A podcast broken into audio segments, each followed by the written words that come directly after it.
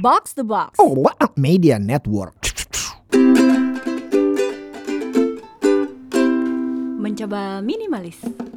Halo aku Anggi, sempet banget ngerasa takut untuk upload sesuatu di sosial media. Takut orang yang lihat tuh jadi mikir macam-macam. Ternyata setelah upload, apa aja yang bikin kita senang? Reaksi orang-orang tuh gak seburuk sama apa yang kita pikirin. Jadi mengurangi hal-hal yang gak perlu versi aku adalah Berhenti mikirin perasaan orang lain Berhenti mikirin penilaian orang lain Yang justru bikin kita jadi gak nyaman sama sekali. Pokoknya enjoy aja lah. Nikmatin hidup banyak caranya juga ternyata. Kalau kita bahagia, ya lakuin aja Mencoba minimalis mengurangi yang nggak perlu lebih dari sekedar beberes. Ada Puri, ada Afu juga di sini. Itu tadi Anggi udah kirim voice note ya ampun. Thank you Anggi. Gue sama Avo akhirnya ketemu lagi setelah libur lebaran yang Yes. panjang banget ini dan eh, ini direkam di Hari Buruh Dunia. Yes. Wahai anda-anda, kita sekalian yang walaupun kerjanya di ruangan ber-AC, mungkin beberapa dari kita perginya ke SCBD, Sudirman Tamrin ya, pakai lanyard, pakai Tory Burch sepatunya, pakai tas Tumi. Kalau anda nggak punya saham di perusahaan, itu perusahaan bukan punya lo dan lo dapet upah, kita semua buruh ya, udah.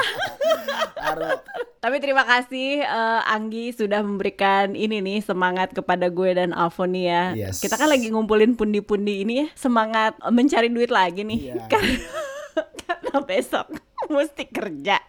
Berhenti mikirin perasaan orang lain atau apa kata orang lain dan nikmatilah hidup gitu katanya. Tetap harus nikmatin hidup ya Pur ya. Iya dong. Nah, pilih aja sekarang level yang mana. Kalau Avo holy cow, holy you, ada yang makan pecel lele udah happy gitu. Ada yang perlu pakai barang mewah seperti layaknya yang lagi diomongin di TikTok. Bagaimana orang-orang ini eh, menjalankan hidup quiet luxury? Ada pilihannya gitu ya, quiet luxury kemewahan yang nggak terlalu terlihat nyata, ya kan? Betul. Atau ada juga loud luxury things. Ini biasanya dihubungkan dengan logomania. Lo tau dong kalau pakai kaos ketat terus ada bling-bling tulisannya BB di tete. gue jadi gue jadi inget satu cerita nih Pur. Jadi ceritanya ada emak-emak nih ya kan, lagi naik pesawat ya. Lalu di maskapai ini kebetulan beliau memang duduknya di business class, wong sugih lah. Nah terus biasanya memang kalau di business class itu salah satu services yang ditawarkan adalah eh, selalu dikasih eh, newspaper gitu. Jadi dibagiin tuh sama flight attendantnya gitu, agar mereka bisa eh, updated lah sama kabar yang terbaru yang ada di hari tersebut gitu. Ini newspaper belum sempat dibagiin, si ibu ini udah minta, saya minta korannya dong gitu. Ketika beliau ngomong gitu, dengan tangan terangkat minta korannya gitu, sleeve-nya terbuka dan menunjukkan gelang, ya kan, gelang emas yang berentet gitu. Jadi salah satu tujuan dia untuk baca koran itu adalah agar shrinknya itu bisa kelihatan gitu sama orang-orang di sekelilingnya gitu. Betul. Itu very loud itu. Terus udah gitu lanjutannya eh, mama-mama ini minta minum. Di business class ini first drink juga selalu disajikan di awal. Terus ketika ditanya sama flight attendantnya, "Eh, mau minum apa ibu? Sunlight. Ah, gimana ibu maksudnya? Iya sunlight, kamu nggak tahu gitu. Terus bapak-bapak di sebelahnya itu langsung nyeletuk, udah mbak nggak apa-apa kasih aja sunlight. Siapa tahu beliau lagi mau cuci piring. Maksudnya mau pesen sunkiss or lemon juice or something gitu ya gitu. Tapi ke ke sunlight mintanya gitu Pur. Jadi it's very loud ya. Emang dia minta sunlight mau iya mau cuci piring bener kata si bapak. Epic lah ibu ini gitu. Jadi mungkin pengetahuan beliau soal logo brand atau kategorisasi brand itu harus di upgrade lagi tuh ya kan gitu.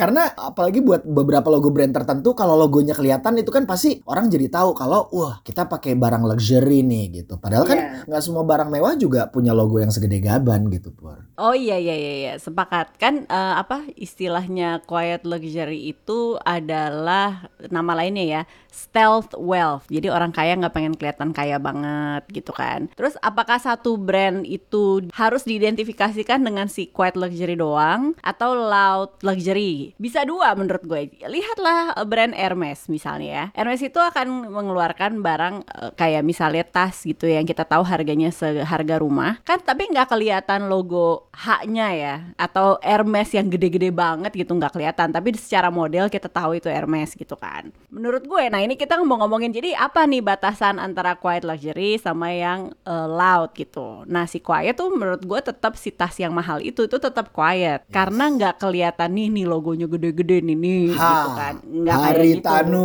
Sudibyo. suka ada kan orang pakai ikat pinggang Hermes juga Iya. yang hanya gede banget ya kan segitu sih Babang Afus emang suka kurang ajar iya namanya Haritanu kali pur iya kali ya itu jelas loud lah Eh, dia pengen orang tahu dia lagi pakai pinggang Hermes gitu kan Jadi memang yang gue tahu juga ya quiet luxury ini kan suka diidentifikasikan atau diidentikan sama gerakan atau gaya fashion minimalis gitu. Karena ya esensi dari quiet luxury itu kan adalah desain yang timeless ya gitu. Jadi semangatnya tuh mirip-mirip lah sama gaya uh, minimalis di dunia fashion gitu. Jadi kalau kita lihat ya desain-desain brand yang quite luxury itu simple tapi estetik gitu. Ini terlepas dari lo apakah lo pecinta quiet atau loud luxury ya. Keduanya tuh emang jadi cerminan dari aspirasi sosial dan jadi kunci para marketing luxury brand untuk narik target market mereka. Bener banget ujung-ujungnya mau lo pecinta loud luxury, quiet luxury kan dua-duanya jualan ya. Betul. Lo mau pakai yang mana bebas Iya. gitu kan. Iya. Sambil juga mungkin episode ini membuat kita bertanya apa yang dimaksud dengan kemewahan untuk kita sendiri. Ini sih ada satu sosok kalau lo apa ya berkecimpung di industri fashion, eh, ada satu nama namanya Olivia Hu. Beliau ini udah cukup lama berkecimpung di industri fashion. Salah satunya pernah bekerja beberapa tahun di Dior. Ya. Nah dia tuh bilang kalau di Prancis kemewahan itu nggak ada hubungannya dengan hal-hal yang mentereng atau berkilau gitu kan. Logo atau monogram itu bukan kemewahan. Justru sweater kashmir gitu, tas vintage yang banyaknya diwariskan dari ibu atau nenek kita, perhiasan pusaka dari generasi ke generasi itulah yang dianggap kemewahan gitu ya. Jadi nggak ada hubungannya dengan sesuatu yang berkilau atau gonjreng. Namun kan eh, biar gimana juga quiet luxury ini ada harganya ya bang ya. Iya, betul.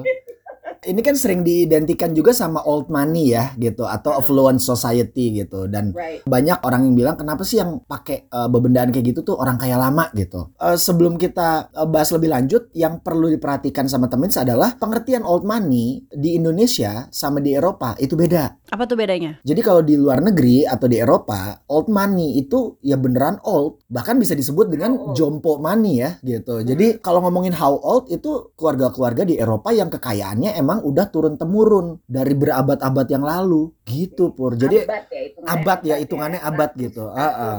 Heeh. Sedangkan kalau di Indonesia ya mungkin baru 5 sampai 10 tahunan lah gitu. Itu baru bisa disebut sebagai old money gitu. Mungkin kalau di era kita sendiri eh, definisi old money itu ya masih mengacu pada ya orang-orang sugih yang hidup di era Orde Baru. Oh iya iya iya. Jadi sekarang tuh masih generasi kedua gitu atau generasi ketiga ya kan? Heeh, gitu. I Jadi see. old money ini kan memang karena udah ada perbedaan masa gitu. Jadi istilahnya mereka udah move on lah dari fase pembuktian gitu. Kalau gua eh, pakai brand yang logonya gede tuh berarti gua orang kaya nih gitu. Nah, Iya, Jadi mereka tuh udah udah tahu gitu cara uh, flexing yang lebih elegan gitu dan uh, bener-bener bisa appreciate kualitas. Mereka tuh kayak pakai jaketnya tuh udah udah bahan bulu domba dari Himalaya gitu yang setiap hari dipijetin gitu dombanya gitu. udah Kayak kalau wagyu ya Ah, sapinya ah. dipijetin buat dipa- dimakan kalau ini oh ya ya. kan? Ah, ah. ah. Kenapa gue ngomongin ini sama Avo karena selain di TikTok tuh viral itu dipicu juga dengan sebuah series namanya Succession. Yes. Gue nggak tahu lo ngikutin apa enggak lagi final season nih lagi seru banget. Intinya itu kan cerita pergolakan perusahaan keluarga ya kan, keluarga kaya lagi ngerebutin eh, siapa yang akan memegang tampuk perusahaan media gitu ya. Ketika sekarang bapaknya udah nggak ada gitu. Nah, saking itu kan ceritanya orari ya kalau Babang bilang kan orang rich gitu, super rich bahkan. Itu nggak pernah di dalam semua episodenya nggak ada yang pakai yang berkilau. Cuman terus kan eh, suka diulas dong sama majalah fashion nih episode ini dia pakai baju berapa gitu. Nah, Iya. Aktris-aktrisnya itu kan punya stylist sendiri ya di Yes. dalam produksi itu. Itu pakai blazer sekali pakai blazer aja 3000 dolar. Padahal What? biasa aja. Biasa aja tuh dalam artian ya warna hitam aja biasa gitu kan atau warna abu-abu gitu atau pakai earth tone yang coklat-coklat muda gitu. Tapi sekali pakai 3000 dolar. Nah, Dan ini nular ke itu kan fiksi ya, itu fiksi dong. Iya. Sekarang akhirnya jadi orang-orang kayak coba kita lihat realitanya. Realitanya the queen of apa bilangnya ya? Orang kaya lama Hollywood adalah Gwyneth Paltrow karena dia adalah generasi kedua kayaknya ya dari keluarga Paltrow yang emang udah megang Hollywood. Dia kan kemarin masuk ada urusan lah di pengadilan ya kan. Betul. Waktu dia dipanggil ke pengadilan, dia pakai baju juga sama tuh, biasa aja, pakai eh, jumper cashmere gitulah. Terus iseng dong, semua jurnalis kan mencari tahu itu harganya berapa. Buat kayak semacam sweater tipis gitu loh, yang nggak nggak yang bulky gitu, tapi cukup pas di badan gitu. Nah itu dia pakai gitu 800 pound. Terus kemarin-kemarin di Netflix kan ada doku series ya si Meghan Markle sama siapa Prince Harry kan. Eh, di beberapa shot-shot yang emang mereka ambil pakai handphone biasa gitu. Eh, Terus biasalah jurnalisnya kan kepo ya. Itu ada selimut yang nggak ketahuan ternyata itu selimutnya Hermes. Harganya 1.645 dolar. Selimut doang. Kayak selimut yang kalau di sofa kedinginan gitu loh. Kemul pur. Ya, kemulan kalau kita Kemulan. kita kan pakai kemulan batik ya kan kalau di sofa-sofa gitu. Kita mah tahu diri aja ya, ada harga yang harus dibayar, lu mampunya berapa gitu. Yes. Dan itu juga ada studinya tuh Pur. Jadi hasil risetnya ini eh, judulnya tuh Signaling Status with Luxury Goods.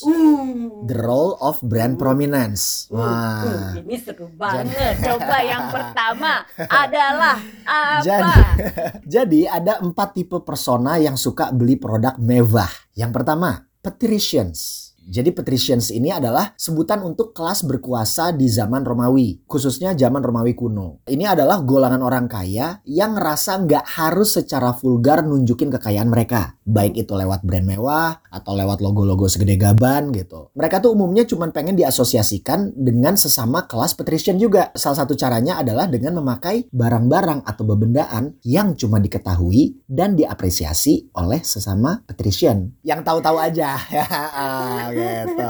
Nah, yang kedua ini Iya. golongan yang namanya Parvenus. Ah, jadi Parvenus ini adalah golongan OKB. Eh, wah, oke. New rich, new rich gitu. Oh, new rich. Oke, oke, sebetulnya oke, oke. sebetulnya mereka ini nggak kalah kaya, Hmm. nggak kalah sugih, tapi mereka ini somehow kurang dianggap selevel dengan para patricians gitu. Hmm. Jadi mereka ini pengen punya status yang sama lah dan ingin diterima oleh para patrician ini. Pansos lah. Berdasarkan tujuan tersebut, akhirnya mereka lebih suka pakai produk yang nunjukin kalau barang yang mereka pakai itu emang mehong. Kayaknya kalau lagi di meja meeting, dia baru datang, terus dia keluarin kunci mobilnya, terus ada logo Mercedes tuh Yes, biasanya. Nah, ditaruh gitu. tuh, jepret, gitu. Ditaruh di atas meja. Oh, iya iya iya, iya. tadi nyetirnya Mercedes, tapi nyetir sendiri ya, nggak pakai supir gitu. iya, kalau patricians kan mereka tinggal clapping hands doang. Gitu, kereta kencananya langsung datang gitu kan. nah, yang ketiga ini namanya posers. Wah. Wah, kayak gue paham tuh ya kan dari bahasa batuk nih temen istilahnya semua. lo posers. Ah, ah. Jadi Iya, iya, posers iya, ini iya. orang yang perilakunya itu sengaja untuk bikin kesan atau membuat orang lain tuh wah tercengang gitu. Jadi Iya, mereka iya, itu ingin terlihat sebagai bagian dari kaum high class. Tapi isi dompetnya itu unfortunately nggak sesugih Parvenus gitu. Jadi kalau kaum posers ini ini kaum yang nggak ragu untuk mengusung prinsip fake it till you make it gitu. Jadi Oh, mereka rela tuh beli produk KW demi bisa keep up dan pansos ke kelas sosial di atasnya. Ini geng-geng yang pakai Prodo Adidas D-nya dua ya. Ad- Kalau orang kan Adidas Predator gitu ya kan, ini Adidas Prematur. Jadi beda gitu. Ada ada slightly changes gitu ya kan. Nah, Sama menambahkan tadi ada saat kan ada empat persona ya. Ini dari bacaan yang sama sih gue relate dengan yang terakhir nih ya kan. Proletarius ya grup terakhir dalam skema tersebut Skema ya kan tersebut. adalah kaum proletarian. Udah tahu dong ya kan. Kata Latinnya proletarius artinya orang yang hartanya cuman garis keturunannya. Apa tuh maksudnya? Ya kan. Jadi kalau di studi marketing gru- grup ini merujuk pada kelas ekonomi menengah ke bawah tidak terlalu peduli bahkan antara hubungan brand dengan status sosial karena bukan jadi prioritas. Alias survive dulu aja, cari makan aja dulu, ya kan cari makan juga susah gitu. Anda yang mana Anda? Saya mah proletar.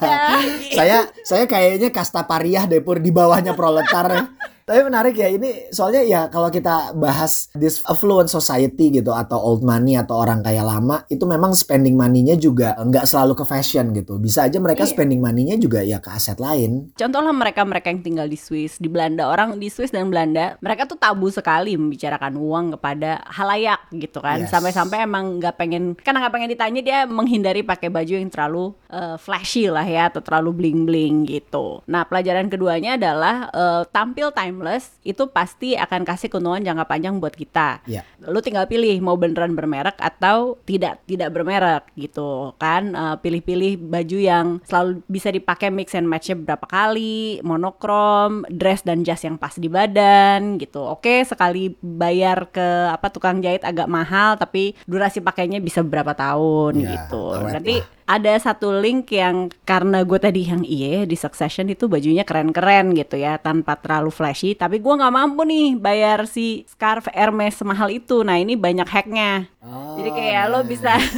lo bisa dapat tampilan serupa ya kan? Kayak gimana dan sebagainya. Nanti gue drop deh linknya di situ. Yes, jadi buat temins juga bisa tetap jadi fashion people tanpa harus membuat dompetmu bobol gitu.